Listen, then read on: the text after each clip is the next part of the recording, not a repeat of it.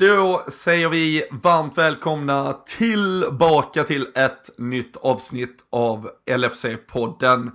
Det är ett eh, starkt gäng som har klivit upp i uttan lördag morgon för att eh, samla tankarna kring allt det där som hände på Etihad i torsdags. Eh, det som plötsligt från ingenstans började hända på transfermarknaden igår fredag. Och sen väntar ju även FA Cup fotboll på måndag kväll. Så ett fullmatat avsnitt har ni i vanlig ordning framför er. Och eh, vi gör såklart detta också som alltid tillsammans med LFC.nu. Det är ju där ni hittar den officiella svenska supporterklubben och eh, i eh, tider som dessa där dels matcherna avlöser varandra och det där sillisurret nu börjar ta fart så är det ju eh, stark rekommendation att eh, det där kanske ligger som startsida när man öppnar upp sin internetläsare så att man hela tiden är med på vad som händer kring Liverpool helt enkelt. Vi eh, vill också eh, passa på att sätta lite eld i rumpan på er för det är nu vi är inne på upploppet kring eh, det som vi hoppas vara med att utmana om, nämligen den där eh, åtråvärda guldskölden som svenska fans delar ut till eh, de som har presterat bra inom sportmedia föregående år. Vi är ju en av fem poddar nominerade till just årets sportpodd och eh, vi hoppas att ni vill hjälpa oss, släpa oss nästan liksom helt över mållinjen och upp på en återvärd första plats där. Man kan fortsätta rösta här hela helgen och eh, vi hoppas att ni tar det tillfället till akt. Eh, vi eh, kan ju tyvärr inte påverka resultat på eh, fotbollsplan och sådär. Vi måste ju ställa vårt hopp till spelarna men eh, det här är ju något vi faktiskt kan avgöra själv. Så eh, Surfa in på svenska fans, sök Guldskölden final kan man göra på Google så kommer ni direkt, eller följ via våra sociala medier så hittar ni in där. Vi blir jätteglada och vi är jättetacksamma för alla som redan har röstat. Men har ni chansen så gör det en gång till eller se till att ni får det gjort i alla fall nu under helgen. Eh, nu rättar vi till hörlurar, eh, slå upp eh, någon god dryck om så behövs. Vi gör oss redo för ett fullmatat avsnitt och alldeles strax så har jag Christian Andersson och Daniel Forsell med mig i båten.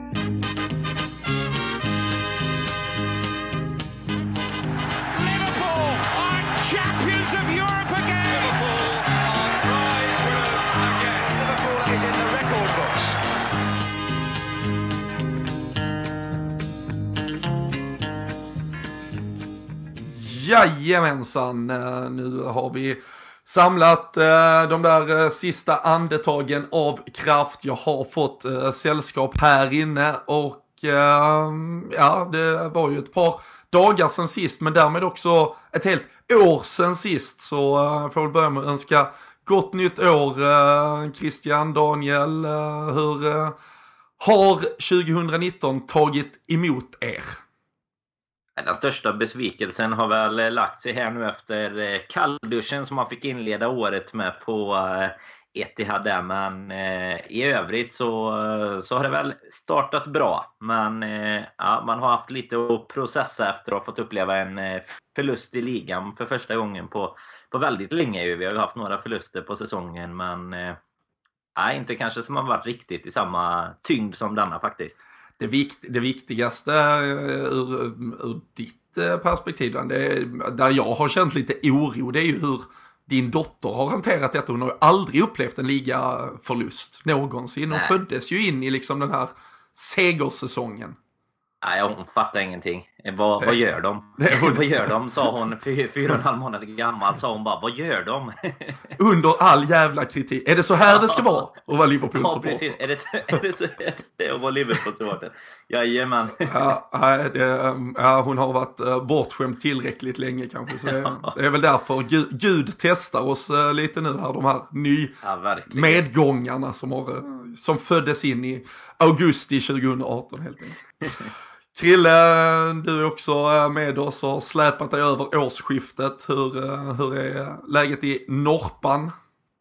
Det är bra tack och oj då, det satt rösten med. Men eh, gott nytt år på er och som Daniel säger här att ja, året kunde ju startat bättre, men med lite sansade tankar och lite tid så får man väl ändå förstå att det är goda tider att vara Liverpool-supporter ändå. Man får ju hoppas att hans dotter också förstår det kanske, trots att hon är upprörd nu. Så nej, allt bra här tack. Så ja, ja. Det, känns, det känns bra. Ja, men det gör det ju verkligen. Du får väl, får väl trycka upp någon jävla fondtapet med tabellen istället så jag förstår att vi är trots allt, vi ligger där uppe eh, på den absoluta toppen. Och eh, det är väl någonstans där vi kanske ska eh, börja det här avsnittet. Eh, det var ju såklart en väldigt eh, speciell situation torsdag kväll på Etihad.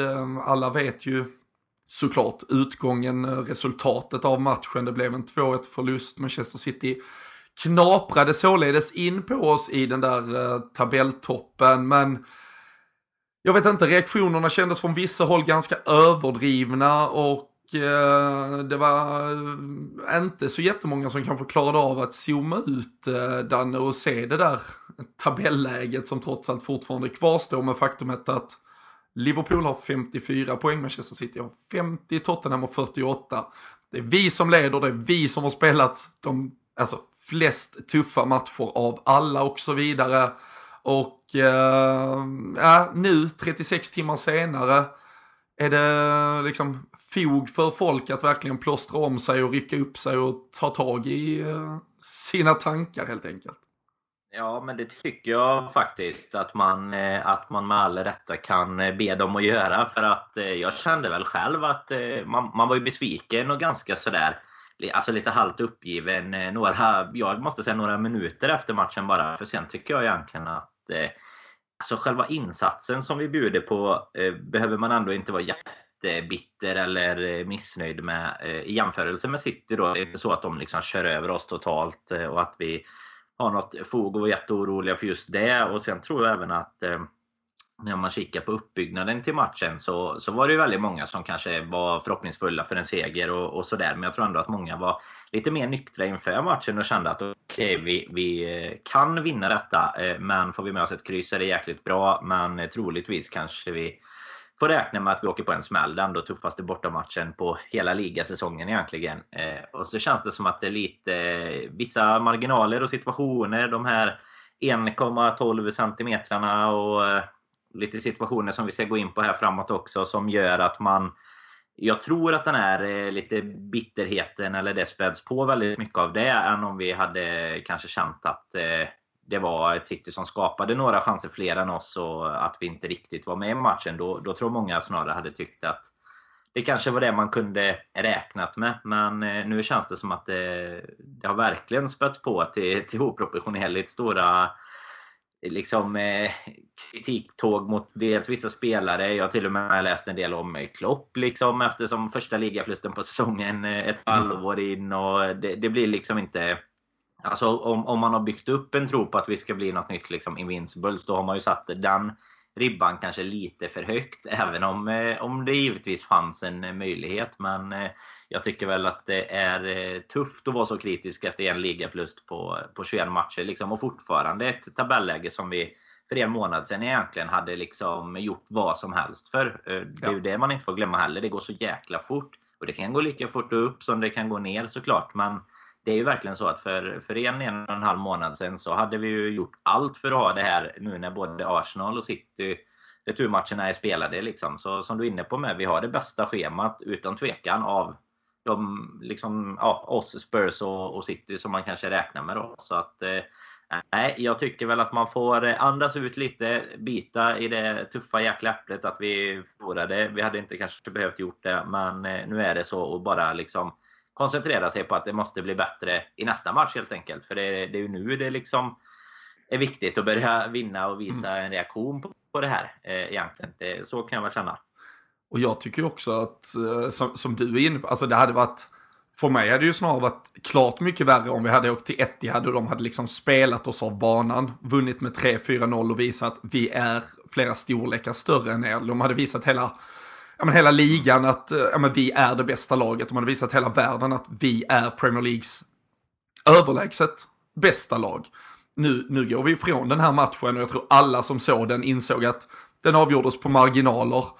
Um, vi kan komma in på det senare ifall det var taktisk briljans från båda tränarna som tog ut varandra eller om det var svaga insatser delvis från båda lagen som gjorde att kanske matchkvaliteten inte kom upp till det där absolut yttersta om vi tittar framförallt offensivt. Men i chanserna som skapas så kan den här matchen gå exakt åt vilket håll som helst. Och där någonstans tycker jag ju, och det blir väldigt snedvridet ifall man som supporter gick in till den här matchen och typ trodde liksom att ja, men det här kommer vi vinna. Alltså, zooma ut lite, vara lite objektiv. Alltså det är bara att titta spelbolagen, alltså oddsfavorit. Men City var favorit i den här matchen. City kommer alltid vara favorit när de spelar på hemmaplan.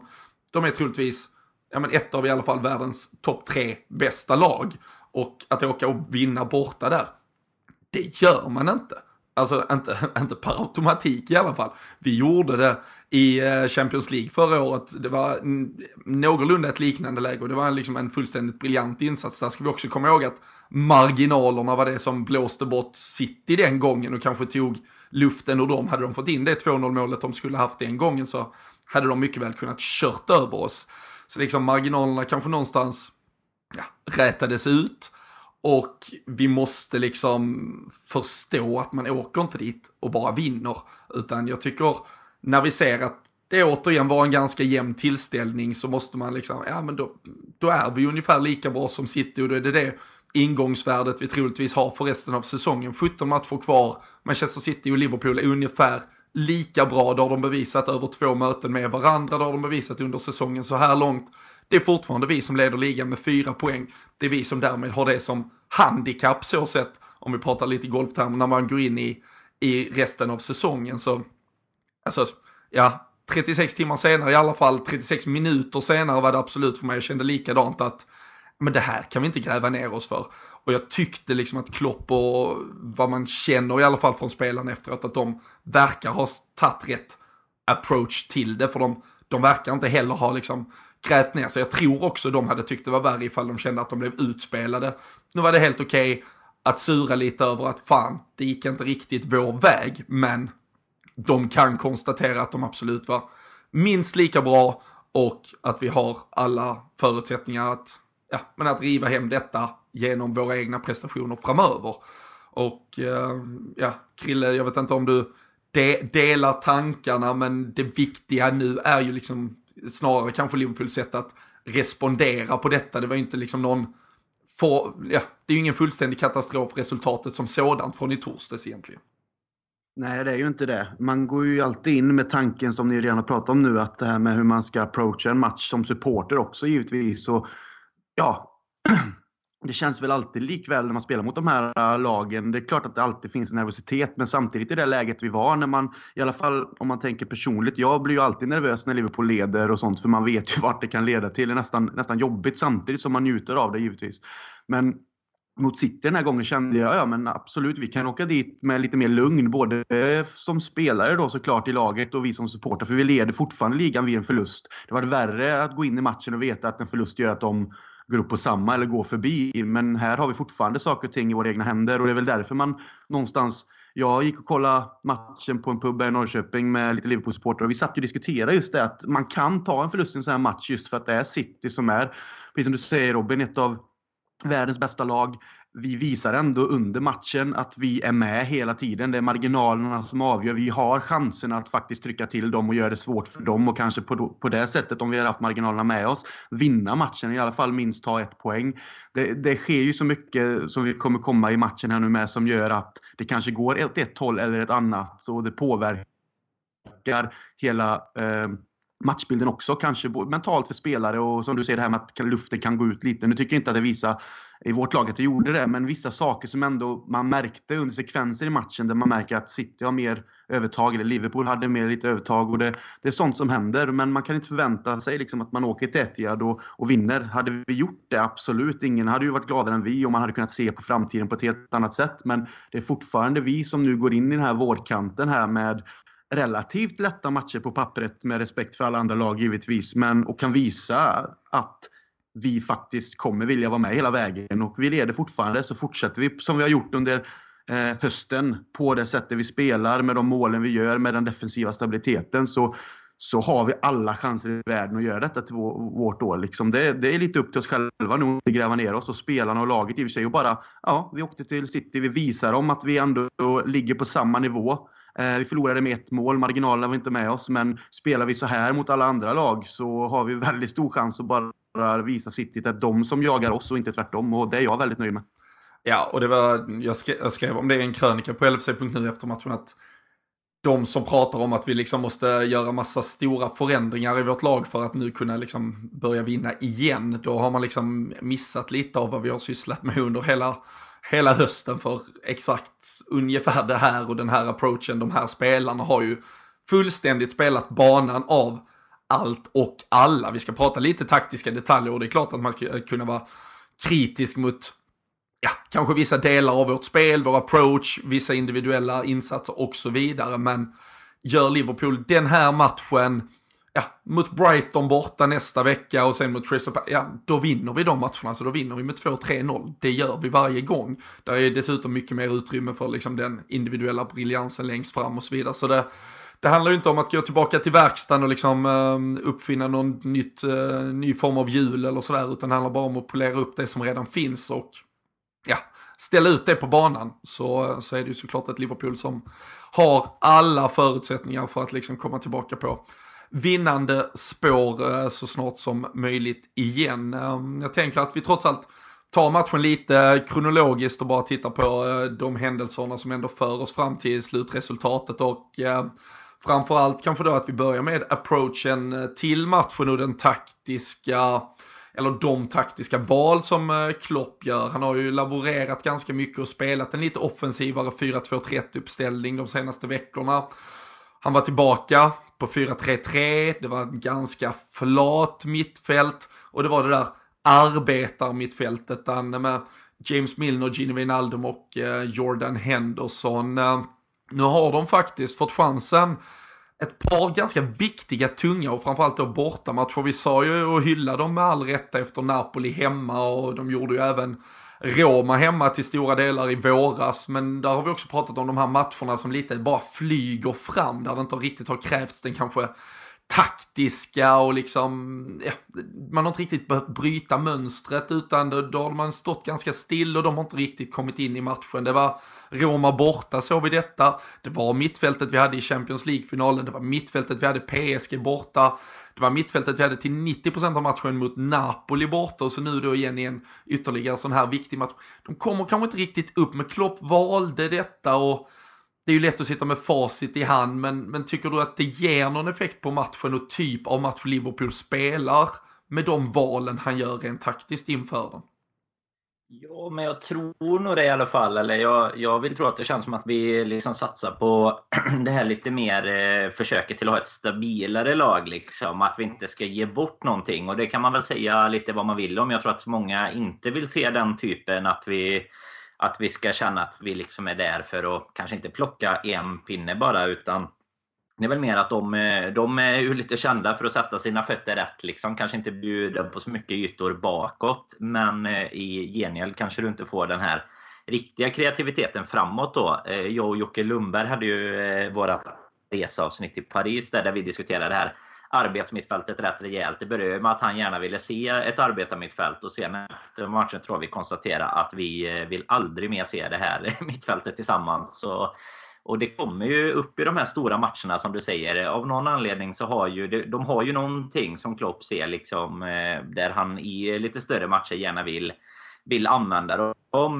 Det var ju, som du är inne på, till stor del de som gjorde Champions League-våren såklart förra året med inslag av Oxlade såklart då när han, när han gick sönder där mot eh, Roma. Men jag vet inte, jag, jag, tycker väl eh, kanske att det känns som att det är extremt sådär riskminimerande med dem. Eh, och i den här matchen, om man tar den separat så, så tycker jag inte att de jag tror att det hade sett bättre ut om till exempel Fabinho hade spelat från start. Jag tycker att det blir en skillnad när han kommer in. I och för sig ett helt annat läge på matchen, men det är liksom så här att vi, vi, de är väldigt lika på något sätt de här tre tycker jag. Eh, Wijnaldum har stuckit ut den här säsongen. Milner stack ut kanske positivt förra säsongen kan jag tycka av dem då. Men jag vet inte, jag tycker inte om man får liksom eh, inte båda delarna som man behöver på ett mittfält. Utan man får liksom tre ganska lika spelare som spelar för att riskminimera och liksom transportera eh, boll mellan lagdelarna. Och i den här matchen tycker jag inte att eh, att det funkar egentligen. Men, men, det känns ju också som, jag vet inte, jag vet ju, alltså man utgår ju från att eh, Klopp såklart har en djupare analys av läget, men man märker ju också på liksom, eh, ja men i forum, i eh, Twitter och Facebook-trådar och så vidare, att, att väldigt många fans också inför den här typen av matcher, de går till de här spelarna lite på automatik när man ser folk som sitter och, ja men min startelva, det är nog, vi behöver ha de här. Men det finns liksom inga belägg längre för att de här tre skulle vara de här arbetarna, hjärta och lungor. Alltså det är ju rent jävla bullshit så känslan är ju att det är tanken och tron på att de här spelarna är typ mer hårdjobbande än Fabinho, en Shakiri, en Keita. Det är ju tanken på det som gör att ja, men varenda jävel börjar plottra in dem i startelvan när det är liksom dags för den här typen av match. Men där finns ju liksom ingen statistisk underbyggnad för det. Och tittar vi på hur matchen utspelas så står ju vi, ja men fram till 1-0 så står vi ju stilla och spelar fotboll i stort sett. Alltså vi, vi håller ju en 4-3-3 så, ja men så minutiöst och med preussisk precision att liksom, eh, ja, alltså öststaterna hade ju varit eh, stolta över att se liksom hur uppställda vi var i rad. Och då spelar det ju för fan ingen roll om du har lungor eller inte.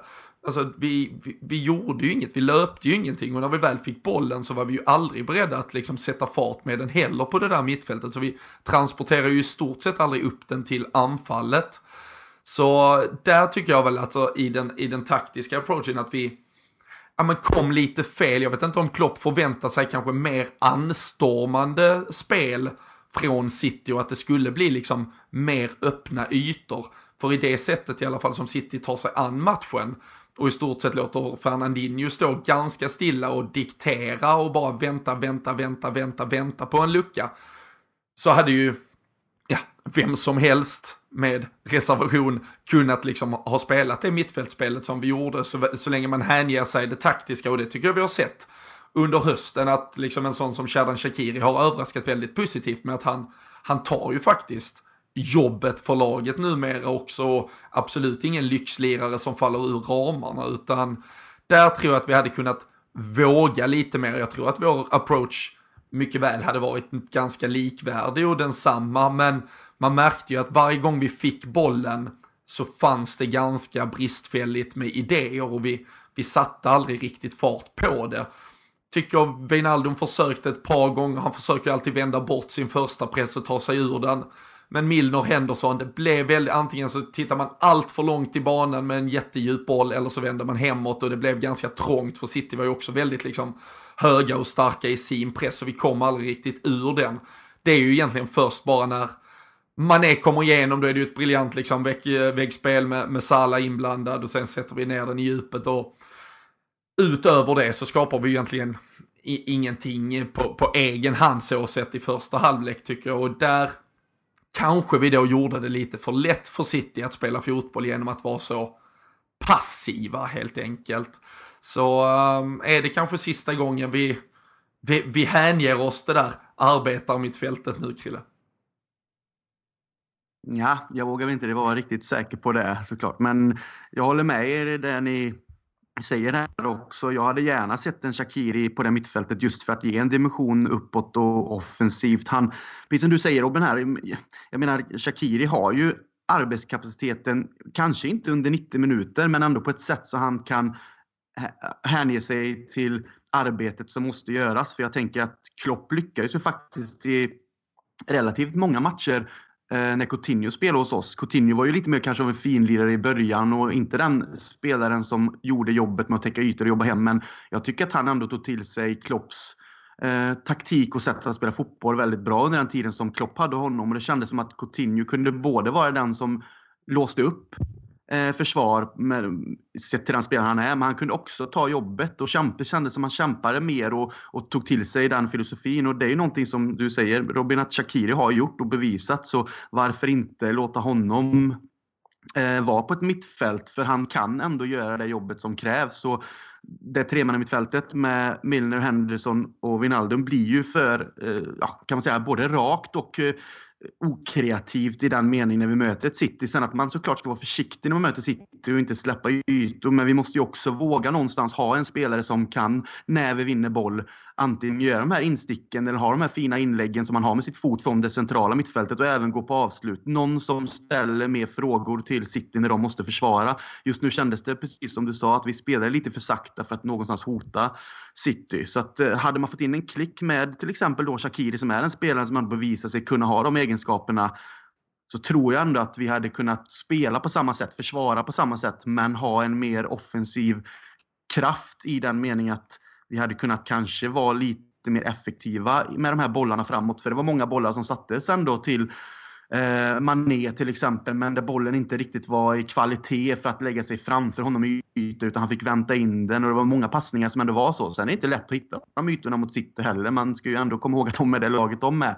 Men med lite mer kvalitet och den här resoluta passningsfoten som Shakiri faktiskt har så kanske det hade kunnat skapa lite bättre lägen för den offensiva trion att, att hitta möjligheten till, till fler mål faktiskt. Så nej, får jag välja så, så räcker det med två riktigt hårt arbetande mittfältare i en sån trea på mitten och så kanske då en Shakiri som, som kan vara den kreativa eh, nyckeln framåt men som ändå kan göra jobbet som krävs. Så att helst så bryter vi upp det där eh, arbetarmittfältet och låter han vara den som är kreatör tills vi kanske möjligen hittar någon annan som också utmanar om den rollen. Men Shakiri har ju under eh, hösten här bevisat att han har det som krävs för att kunna göra det. Så att varför inte bara fortsätta låta honom visa form och eh, göra mål och visa den glädjen han också gör av att, av att spela Liverpool faktiskt. Ja. Jag tycker man märker stor skillnad i vilken approach man har till en sån här match också. För jag bara som vi, vi har ju liksom en liten chattgrupp ihop i, i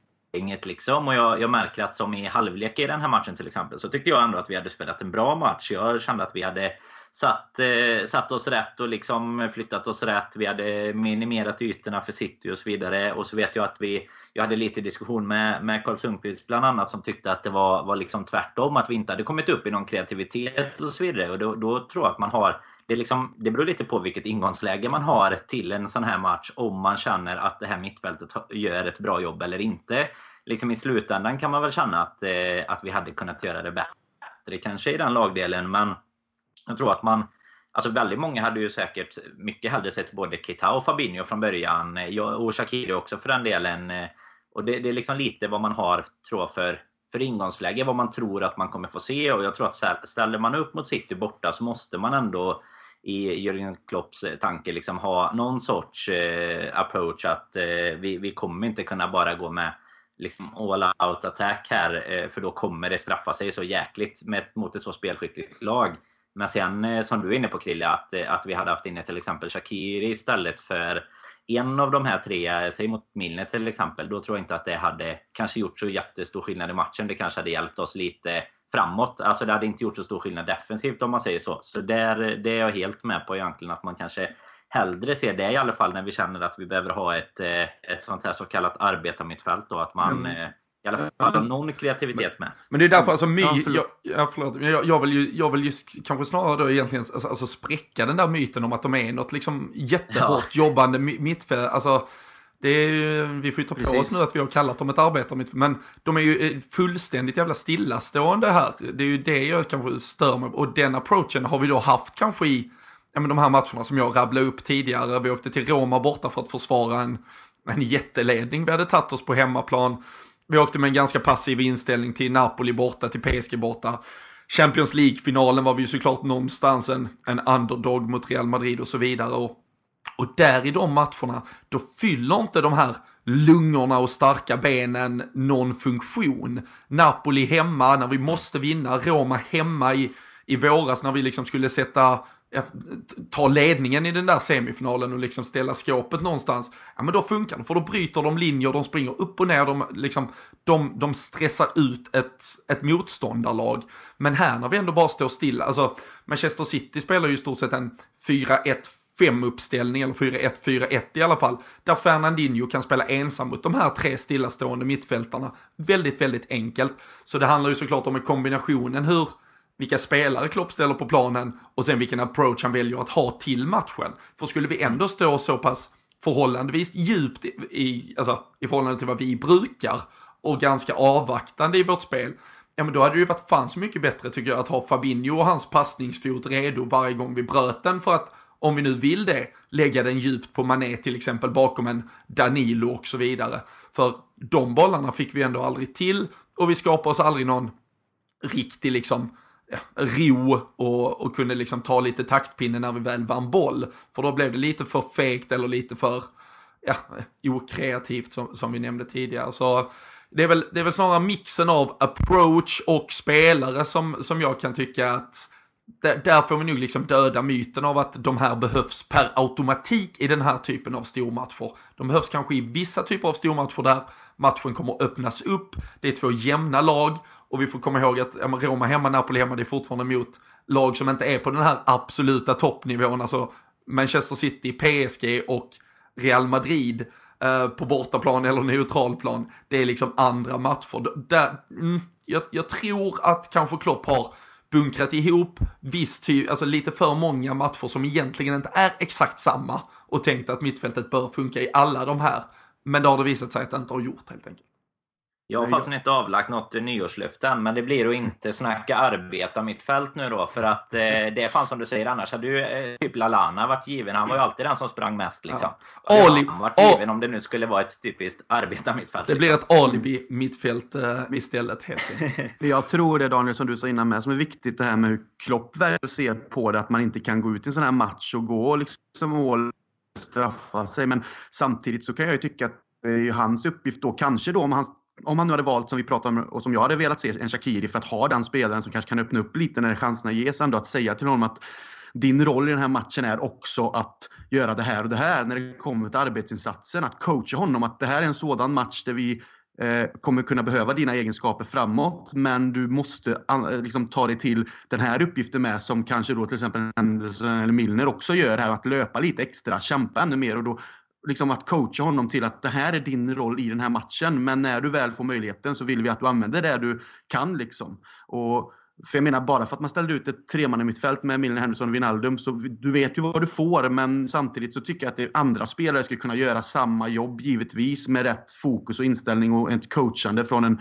tränare som säger att så här vill jag att du ska spela den här matchen. För det går ju de ju in i varje match med att, ja men en hemmamatch mot ett kanske lite sämre lag så finns det mer öppet för de här offensiva krafterna och du kanske får lite mer yta till att göra egna saker. Men i vissa matcher på bortaplan så är det klart att vi ska täppa till ytorna och rollerna är det så här och jag vill att du understödjer här och att du hjälper den här spelaren. Alltså, man har ju spelat fotboll själv på ändå låg nivå men du får uppgifter att här behöver du nog vara lite mer för vi vet att de är lite snabbare här. Vi vet att de gör så här och då kan jag tycka på den här nivån att Shakiri är ju inte en spelare som inte kommer lyckas hänge sig jobbet. Sen om man märker under matchen att det inte funkar, då kan man göra förändringar. Men jag tycker att vi hade behövt en spelare av hans kaliber för att kanske visa City att vi kan också hota dem på ett annat sätt. För precis som Robin sa, nu lät vi ändå Fernandinho styra och ställa utan egentligen några problem och vi kanske lät det vara lite för enkelt trots ett då så kallat arbetande mittfält som egentligen hade kunnat stressa sönder dem. Men jag tycker att vi borde, vi borde ställt lite mer frågor till dem offensivt från vårt sätt. För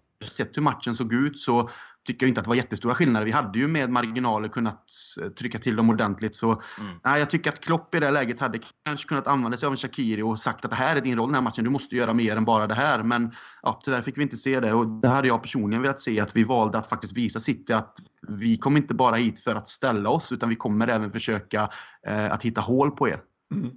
Jag tror vi eh, stänger eh, mittfältsdiskussionen. Vi verkar ha landat i ungefär exakt samma eh, tankar. Och som sagt, vi lovar då lite som nyårslöfte att inte referera till dem som ett arbetar mittfält framöver. Utan nu gäller det för Klopp att hitta rätt balans och fördelning framöver. Och jag tror vi kommer få se både en Fabinho och Sherdan Shakiri spela klar majoritet av de 17 eh, Premier League-matcher som nu återstår eh, helt enkelt. Ehm, vi var inne och eh, nuddade vid den där situationen vi trots allt skaffar oss när det fortfarande är ett noll nollläge. Sadio Mané är igenom stolpen, räddar City första gången och sen så får man väl då ändå säga eftersom, alltså, ja, hade det varit stolpe, mållinje och den där mållinjegranskningen så hade det väl någonstans varit ännu surare. Nu är det ju faktiskt en icke-chans som trots allt håller på att bli till en chans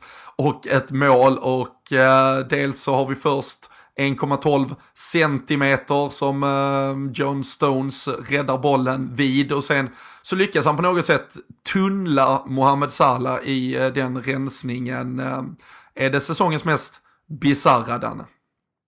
Ja, det hade ju eh, passat nästan varit lite ovärdigt matchen om ett sånt självmål hade gått in faktiskt. Jag vet inte. Eh, det, det, var liksom hela, hela läget eh, kommer ju tycker jag från en... Alltså vi gör ju det bra fram till Manés första läge. Jättefin boll som han får där. Eh, lite som vi pratade om innan, marginalen mot oss, stolpen ut. Eh, Sané fick lite stolpe in senare i matchen. Mm. Men eh, sen vet jag inte vad man ska säga om den situationen. Jag är ju glad att det inte var eh, på andra planhalvan och kanske Dejan Lovren som eh, smällde den i Alissons eh, ja, huvud, händer. Tänk, tänk, tänk dig Dejan Lovren på Simon Mignolet och så in där. Ja, hade vi kunnat lägga ner blivit, Twitter? Det hade blivit tufft. Ja, vi hade kunnat lägga ner det mesta känns det som. Nej, men det är, det är ju lite synd. Alltså, det är ju också en sån marginal ändå såklart. Det är ett jättekonstigt eh, agerande, eller det blir en konstig situation, men sen lyckas de ändå med en centimeters marginal då eh, rädda den. Och man känner ju bara att man önskar att Salah kom i någon sorts glidtackling eller liksom någon eh, block där som gjorde att den faktiskt kunde ta ja, foten, knät, magen eller det krulliga håret och in i mål istället för alltså, vidare ut då. Men... Eh, det, det, är ju, det är ju svårt att kritisera något i den situationen. Alltså Manés avslut, som sagt, det är ju, det är ju på marginalen. Hela anfallet ja. upp till är ju helt fenomenalt. Det är ju kanske där man liksom, lite mer blod från Salah. Alltså det, det är ju extremt svårt att liksom tänka hur han ens ska hantera det där och tror säkert kanske att den redan är på väg in. Men eh, det är ju både otur och olycka och allting att den liksom lyckas gå typ tunnel på honom ut. Det är ju, eh, ja, det är väl, eh, det är trippelmarginal där, eh, även om vi bara kanske skaffar oss chansen då för den, för den första själv genom eh, stolpträffen. Men eh, surt eh, sa räven och eh, sen så eh, fortsätter det ju med liksom ett par, vi har Sergio Agueros mål eh, som eh, jag tycker vi kan landa i och jag bestämmer att vi landar i att det är fullständigt briljant mm. och mm. inget annat. Eh, jag har sett folk som liksom vill försöka hänga Dejan Lovren för det men eh, då får de gärna försöka spela Spela, spela rygg, eh, ryggspel mot Sergio Aguero när han vänder på en femöring och trycker upp den i första krysset. Det är, liksom, det är fullständigt jävla briljant anfallsspel och jag tycker Agüero är ju något så eh, unikt någonstans på, på den här alltså, extrema världsfotbollen där det handlar så mycket om att skaffa sina, bygga sina lag. Eh, vi är ju extrema i form av, av en Roberto Firmino som är liksom en nummer nio typ som är mer viktig egentligen för laget än för sin individuella insats. Men Agüero spelar, alltså City är liksom 10 plus 1, de är 10 stycken som utgör någon form av lag där man spelar ett väldigt, väldigt liksom taktiskt drillat, anpassat Pep Guardiola-spel. Och sen så har man Sergio Agüero som gör ett fantastiskt jävla jobb framför alltså han är en hårt jobbande anfallare. Men så har han en extrem USP i, i det offensiva som jag eh, någonstans tycker liksom att man bara måste applådera. Jag tycker han är världens bästa nia överlägset. Eh, man kan komma med sina Hurricanes, Icardis, uh, Suarez eh, nämns väl med dem, men, men han är outstanding och framförallt så är han de stora matcherna som han också kliver alltid fram. Mot Liverpool har vi fått erfara det alldeles för ofta, men han gör det och mm, jag tror det var från 2011-säsongen och framåt så har han väl 37 mål i de här topp 6-mötena och det är typ 15 fler än vad någon annan har. Så där eh, får man nog lyfta på den berömda hatten. Um, situationen annars som många bar med sig om som diskuterades från första halvlek var ju snarare då i, i andra änden där eh, Vincent Company kommer undan med ett gult kort på sin tackling på Mohamed Salah. Hur um, upplevde du det Christian och um, hur, hur, tycker du att liksom Liverpool-fans, Klopp pratar om den efteråt att han ändå, ja, med all respekt för kompani tycker att det där ska ju såklart vara ett rött. Hur upplevde du det?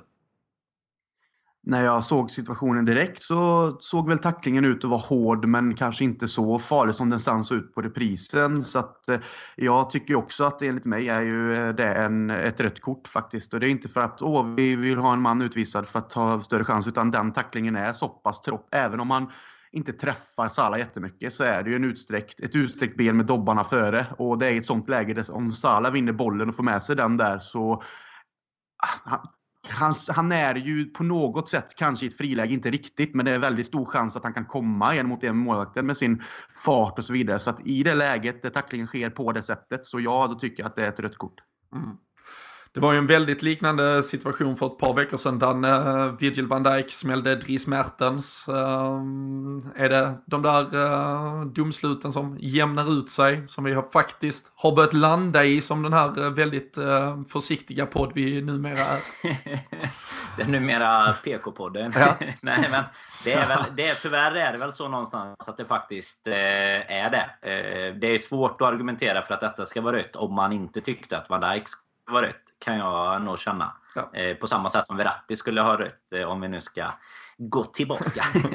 så har vi ju jämnat ut det och också lite till. Nej men, nej men det är väl så. Och jag tycker väl kanske med facit i hand att alla är röda. Men jag vet fan om jag inte skrek gult på, på van Dijk när det väl begav sig. Så att, eh, ja, men jag, jag tycker jag, väl inte att liksom, ja, det, är, det är inte så stor skillnad i de här duellerna i alla fall. Nej, alltså ska jag säga nu van Dijk situationen då, då stod jag ju på, på Dekopp och så den och, och här satt man, man hemma i tv-soffan och jag, jag, jag reagerar på båda, liksom både van Dijks och kompani så att det rent av skulle kunna vara liksom en bra tackle alltså, för de får ju bort bollen. Sen är det ju liksom att de med andra foten så att säga smäller sin motståndare i de här situa situationerna och sen tycker jag någonstans att det som men det, det, det som symboliserar en, en bra, alltså med all respekt för att kompani har tappat väldigt mycket även i sin kvalitet.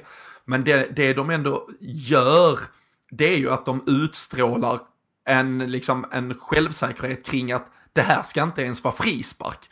Man såg van Dijk gjorde det liksom, han, han bara klipper ner Mertens fullständigt, tar bollen och vill starta ett anfall för att visa liksom, vadå, jag, jag rörde inte honom i stort sett.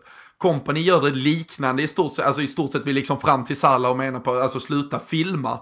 Man kan ju liksom verkligen tycka vad man vill om det, men jag tycker det är så en mittback på absolut högsta nivå spelar.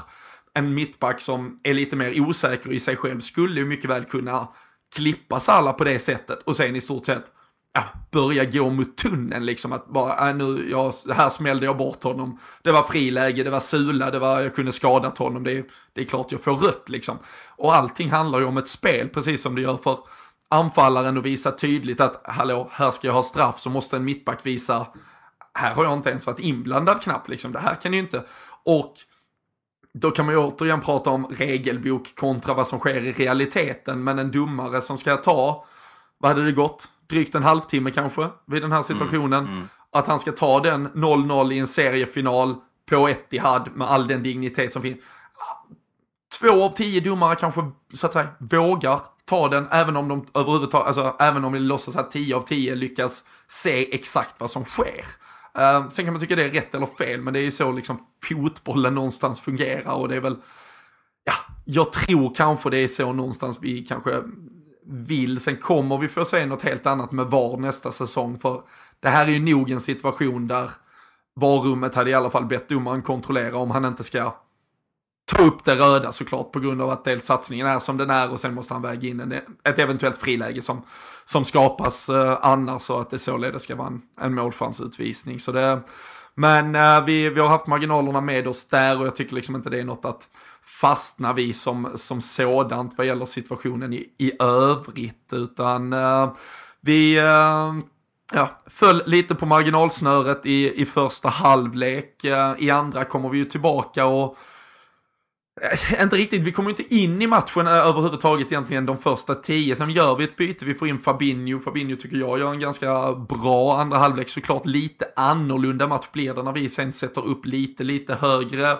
Vi får in vårt mål, det blir lite öppnare, det blir liksom en period på kanske 20 minuter i mitten framförallt av andra halvlek där det blir ett flöde på ett annat sätt i matchen. Tycker ju att vårt mål måste hyllas rejält. Eh, faller lite i glömska Krille, men eh, kanske ett av våra bästa mål sett till laginsatsen eh, och spelet från start till slut egentligen den här säsongen. Ja, det är riktigt snyggt. Alltså ser man till att vi håller bollen inom laget, vi spelar runt den, vi hittar ytor på sätt vi vänder spelet igen röra på sig så kommer inlägget som sen går till Robertson som då liksom dippar den över försvaret bort till Firmino. Så sett till hur vi spelar oss fram till det målet och det, den kvaliteten som är precis liksom där det krävs att det ska vara är på världsklass då. Eh, känslan från både eh, Trent är det väl som slår den till Robertson som slår in det till Firmino som bara liksom slänger sig fram i ren eh, Henrik Larsson-anda nästan. Så att eh, nej, målet är skitsnyggt och vi, där visar vi också vilka kvaliteter vi har och hur ja. vi kan få ett försvar att flytta på sig på det sättet. Så nej, det är väl ett av de bättre målen faktiskt i, ja, lätt att säga i år såklart, men under säsongen då. Vårt snyggaste mål 2019. Det slår, det slår PK-podden fast helt enkelt i, i, i fullständig obefintlig konkurrens helt enkelt. Um, vad tyckte du där Dan annars? Vi, uh, vi pratade ju faktiskt om det förra, uh, faktiskt förra avsnittet. Då var det lite annorlunda situation, men då, när vi hade, då hade vi släppt in ett tidigt mål mot Arsenal och så lyckades vi ändå liksom hämta anda någonstans och liksom hämta kraft och så, och så vände vi det ganska snabbt. Nu, nu är det ju vi som då sitter i lite om en situation. Vi får in 1-1 målet. Men sen tar det liksom bara fem minuter och så får City in sitt, sitt 2-1 mål. Hade vi kunnat agera på något annat sätt? Där var vi liksom lite för, om man säger, inne i matchen. Och mm. borde vi liksom tänkt om lite direkt när vi, när vi gör 1-1? För vi, vi står ju uppenbarligen lite för högt sen när, när City sätter ny fart kan man säga. Ja, men kanske i det läget sådär. Sen är det väl jäkligt svårt när man liksom jagar eh, först. Man går ut med en eh, taktisk plan i andra där att nu, nu gäller det att liksom, eh, ja, vi måste jobba in ett mål på något sätt. Och sen som du säger, det går så pass fort från vårt mål till att de gör mål att vi kanske inte riktigt har hunnit ställa om eh, de taktiska direktiven. Sen tycker jag också att det målet är, alltså det är väl det man kan klaga på egentligen då backlinjen kanske står lite högt. Eh, Lovren har fallit ner något, eh, men jag tycker inte man kan, kan hänga honom just för det också. Eller han har ju sina situationer i matchen som han har fått tillräckligt med kritik på i, i diverse mm, sociala medier. Allt liksom. Men det går ju ruggigt fort där och som jag nämnde innan så tycker jag att där där har Sané istället marginalerna med sig. Alltså stolpe in, den rullar i stort sett längs mållinjen och in i andra buregaven. Och det är liksom det kan jag tycka är sånt som, som händer. Det är väl det som du säger. Det vi hade kunnat gjort annorlunda det är väl att vi kanske hade kunnat stå lite lägre. Liksom. Vi hade kanske inte behövt bjuda på de ytorna mot eh, Sterling och Sané. Liksom.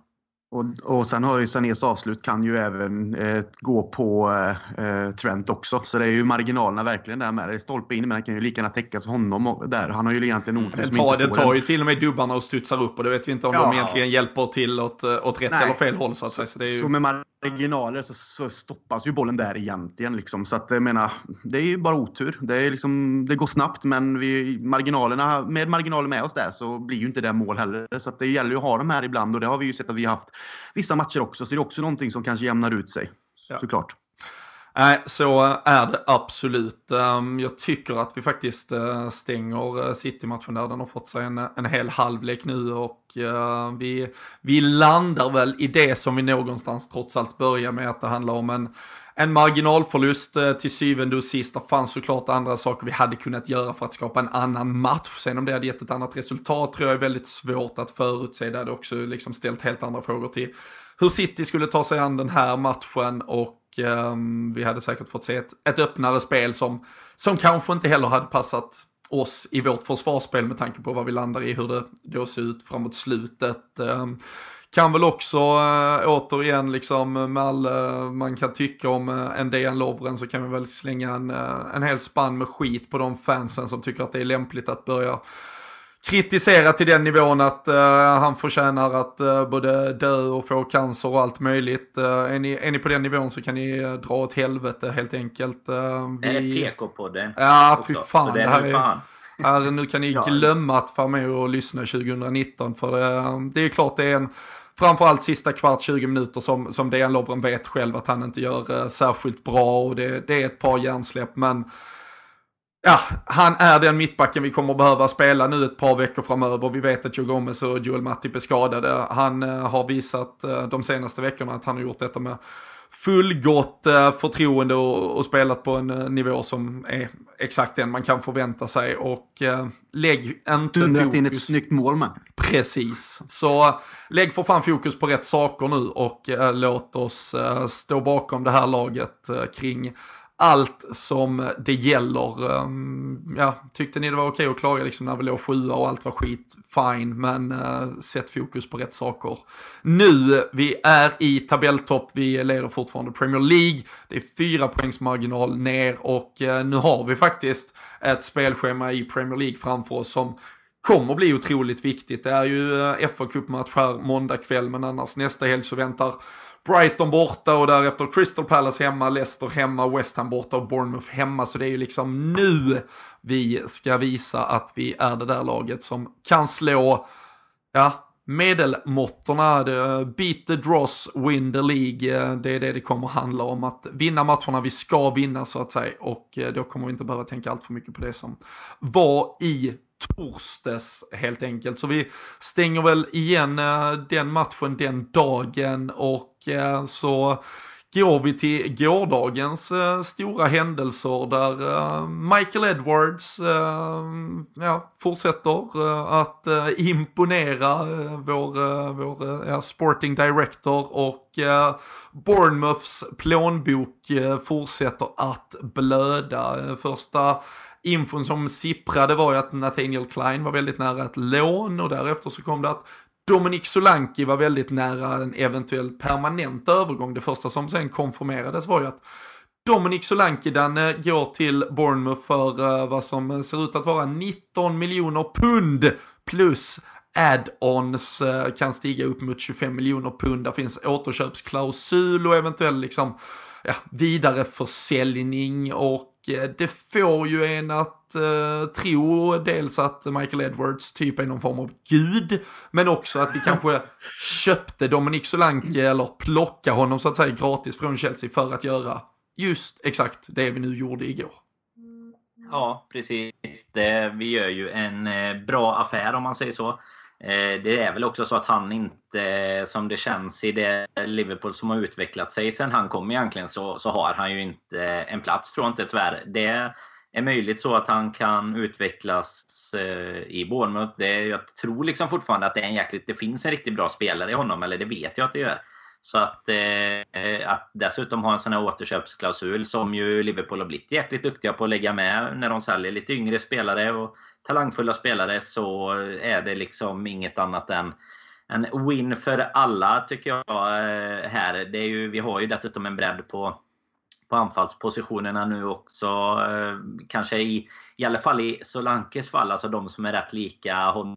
Eh, Origi, vi släppte ju Ings, vi har Sturridge som kanske ligger lite före dem om man säger så. Men sen kan man ju kanske hoppas att detta öppnar upp för att det är någonting eh, på väg in också. Det är ju lite mm. sådana bitar som man börjar att fundera på när vi börjar lasta av lite spelare också. Att eh, det, det känns väl som att det skulle kunna vara så att det är en konkurrens som ska ska mm. in. Att det är därför vi också kan eh, tidigt du, i fönstret liksom, göra inte, några sådana. Får du inte tisa för mycket här. Vi, vi kommer Nej. in på det där alldeles strax. Men det vi kan konstatera är ju då att vi alltså med de här uh, pengarna från Bournemouth har sålt Brad Smith, eh, som säkert ingen ens minns, eh, australiensiska vänsterbacken, eh, Jordan Ibe eh, och så nu då Dominic Solanke för totalt alltså strax över 40 miljoner pund, alltså uppåt 500 miljoner, en halv miljard Christian har eh, Bournemouth köpt eh, den här typen av spelare av oss för, och det anmärkningsvärda här är ju att Brad Smith och Jordan Ibe inte ens har liksom gjort det bra. Så de måste ju uppenbarligen se något exceptionellt i Dominic Solanki. Ja, det är lite anmärkningsvärt att man kanske vågar lägga de här pengarna på ytterligare en spelare som inte bevisar sig i Liverpool då, som de har gjort tidigare då. På Smith och Ibe som du nämner. Eh, och att det är de här summorna, att vi har fått ihop en sån sammanlagd summa på ja, runt en halv miljard svenska kronor på dessa spelare är ju, det är ju en stor eloge och applåd till Edwards i det här förhandlandet. Och sen kan jag ju tänka mig då när man faktiskt sätter det i perspektiv med vad vi då sammanlagt köpte eh, Mohamed Salah och eh, Andy Robertson för, då är det ungefär samma pris. Så att egentligen har vi ju på det sättet vi har sålt av de här spelarna som egentligen inte alls fungerar i, i det ja, på det sättet vi vill spela och ha den kvaliteten som krävs att spela i dagens Liverpool så har vi liksom fått eh, Salah och eh, Robertson som är två av våra bästa spelare för egentligen noll. Om man ser det så liksom. jag, vi har sålt av för den summan som vi köpte in dem för. Och det är helt sjukt egentligen när man ser på kvaliteten. Ja, nej, men så jag satt ju här och, och gav, eh, tror det var Carl Sundqvist för ett par, par veckor sedan, gav han ett par sådana här eh, alternativ kring, eh, för att liksom pra, prata lite fotbollstransfers och, och marknadsvärden. Eh, då, då använde vi Sherdan Shakiri och Andy Robertson, gick, kom in för exakt samma pengar som Jordan Ibe och eh, Brad Smith gick ut, eh, eftersom det dessutom var ganska likvärdiga positioner. Nu är det alltså en Dominic Solanki som när eventuella add-ons plussas på kommer ha liksom inbringat samma pengar som vi la på Roberto Firmino i stort sett. Så det är ju fullständigt bisarrt att vi har bytt, bytt ut då egentligen Solanki, Jordan Ibe och Brad Smith mot Andy Robertson, Sherda Shakiri och Roberto Firmino. Men ehm, ja, det är ju bara stor eloge eh, till Michael Edwards och jag tror väl, om man då får vara så cynisk, att eh, vi, vi värvade Dominic Solanki för det är ju inte heller sju år sedan vi värvade honom, utan det var ju liksom förra sommaren, det är ett och ett halvt år han har varit här och vi har ju inte haft någon användning för honom och vi var ju redan på väg in att bli ett, ett bättre lag än ett lag som har plats till Dominic Solanki. Det, det tror jag aldrig vi har riktigt varit och han är ju inte egentligen en, en, en, en utpräglad kloppspelare om man så får säga heller, utan han eh, han har nog stått på tillväxt. Ehm, han fick ju till och med en, en engelsk landskamp. Han har spelat eh, Champions League-matcher. Han har trots allt liksom kastats in i den här hetluften och någonstans blivit ett namn mer än vad han har blivit en liksom presterande spelare. Och det, det marknadsvärdet använder vi ju i, i exakt rätt läge där han fortfarande liksom känns som en spelare som mycket väl kan flyga. För hade han suttit på en Liverpool-bänk i tre år och liksom pendlat med, med lån hit och dit och inte levererat så, så hade de här pengarna inte varit möjliga att, att dra in. Och eh, som du nämnde Danne så är han ju långt bak i, i pecking ordern där dessutom.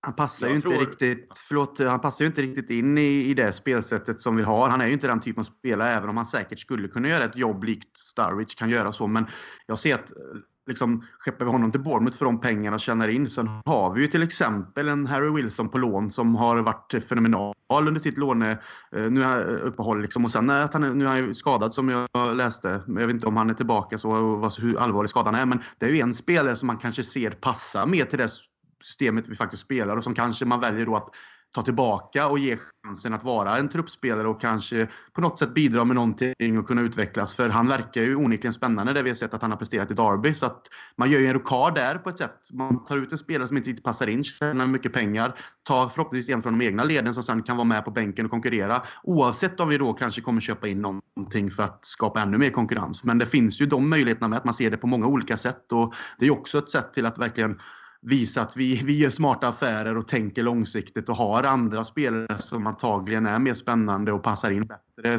redan i de egna leden också. Så det är en stor, en stor del av det hela att vi lyckas göra så här. Det är verkligen eh, fenomenalt på det här sättet. Ja, Jag och tror att du är inne något på spåren där också Robin. Det här med att vi, att vi tar in honom för inte så jättelänge sedan. Vi ser möjligheten att få in en spelare billigt som vi vet kommer kunna generera pengar. Eh, Vi vi ser ju liksom Chelsea jobbar väldigt hårt på det sättet Mm. eh, nu med Financial Fair Play och allt som finns. Liksom Chelsea, som vi i och för sig tog så långt ifrån dem, men de har ju eh, liksom, eh, antagligen världens bredaste trupp och liksom utlånade spelare i stort sett i varenda liga. Liksom. Men de gör ju också bra pengar på. De flesta, de, eh, vissa sitter ju, alltså typ Loftus-Cheek börjar spela i, i A-laget en hel del nu, men det kan ju vara så att det är en sån spelare som kommer lämna för en ganska bra peng. För jag menar, ska Bournemouth, eh, Brighton, sådana här klubbar köpa från de större klubbarna? Det är ju det som blir så oproportionerligt liksom, när, när vi pratar Shakiri till Liverpool. Men ska de ta, ska en mindre klubb gå till en större klubb och ta en spelare, då, då kommer det kosta de här pengarna. Och jag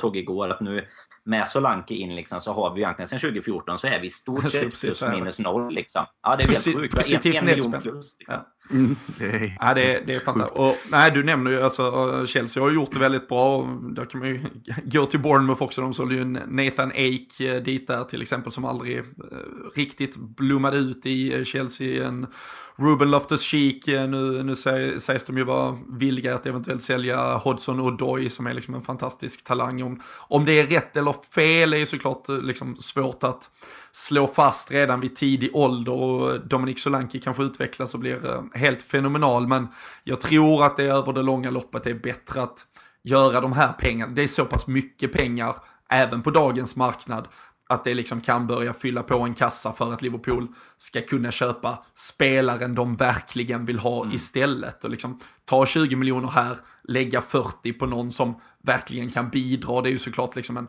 en ekonomiskt väldigt försvarbar affär och det absolut bästa man kan göra. Vi uh, har uh, närmat oss timmen, vi, vi pladdrar på för fullt men vi måste såklart uh, nämna då um, den andra spelaren som blev klar för Bournemouth uh, igår och där uh, var det lite komiskt för där twittrade du och jag i stort sett i samma sekund som det blev klart men vi twittrade helt olika saker. Du uh, skrev win-win-win, bra för Bournemouth, bra för Klein, bra för Liverpool att han gick dit på säsongslångt lån.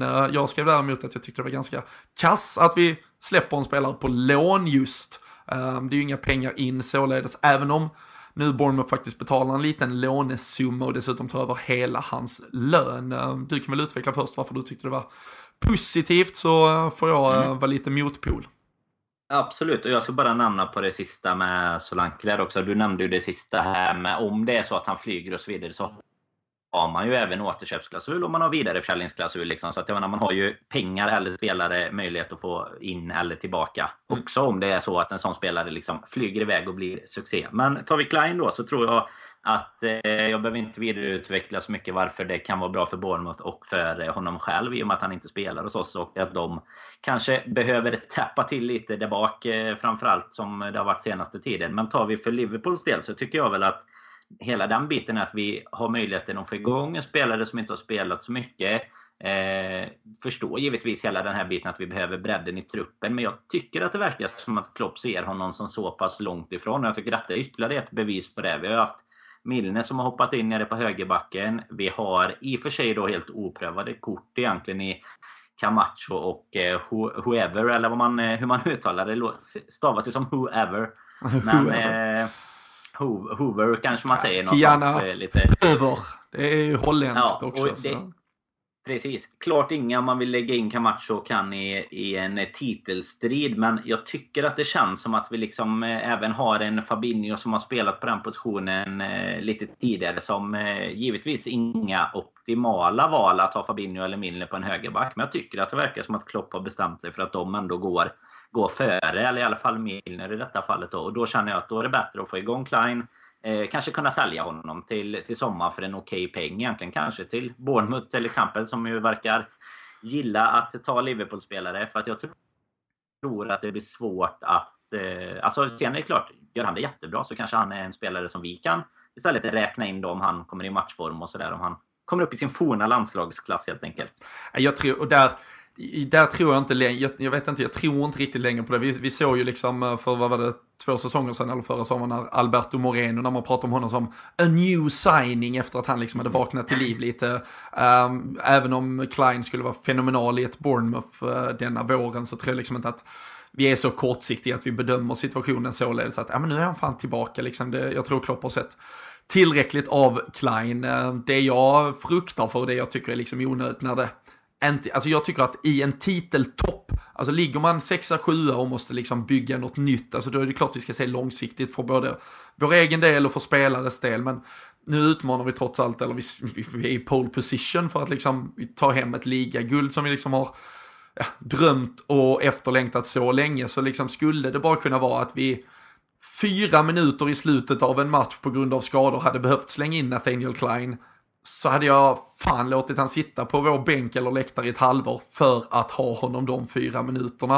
Uh, istället för att liksom ja, behöva laborera på ett sätt vi inte önskar. Nu är det såklart alltså, lite Jag glömde även en Gomes måste jag säga. Gomes är också ja, men, en... Äh, Gomes, Gomes är skadad, han är dessutom väldigt dålig högerback tycker jag att vi kan konstatera. uh, James Milner, fine, men han kanske kommer behövas in annan position. Skulle liksom Trent Alexander-Arnold gå i sönder imorgon så kommer vi alla sitta och vara skitsura över detta. Och det menar jag, det är okej att vara om vi är i en situation där vi liksom måste bygga något nytt och tänka långsiktigt. Men nu är vi ganska kortsiktiga, alltså det hade varit okej okay att vara väldigt kortsiktig den här våren. Och det handlar om fyra, fem månader där vi ska se till Liverpools absolut bästa och ingen annans egentligen tycker jag. Så jag tycker det är märkligt att man släpper iväg en spelare som ändå kan konkurrera. Han visar mot Manchester United att han är fullgod eh, för att spela i vårt lag och vara en viktig del av det om det behövs. Så, eh, ah, hur bra den här eh, Kiana Hoover än är så hade jag gärna sett Nathaniel Klang kvar i truppen. Uh, nu uh, har vi nästan pratat tillräckligt uh, tror jag om de här Bournemouth-spelarna som går på lån och på försäljning. Vi knyter ihop säcken. Krille, du kan få avsluta detta med om du tror du att det nu börjar Ja, kan det vara något på väg in? Ryktena igår var till exempel att en Nabil Fekir inte var i kupptruppen för Lyon till exempel.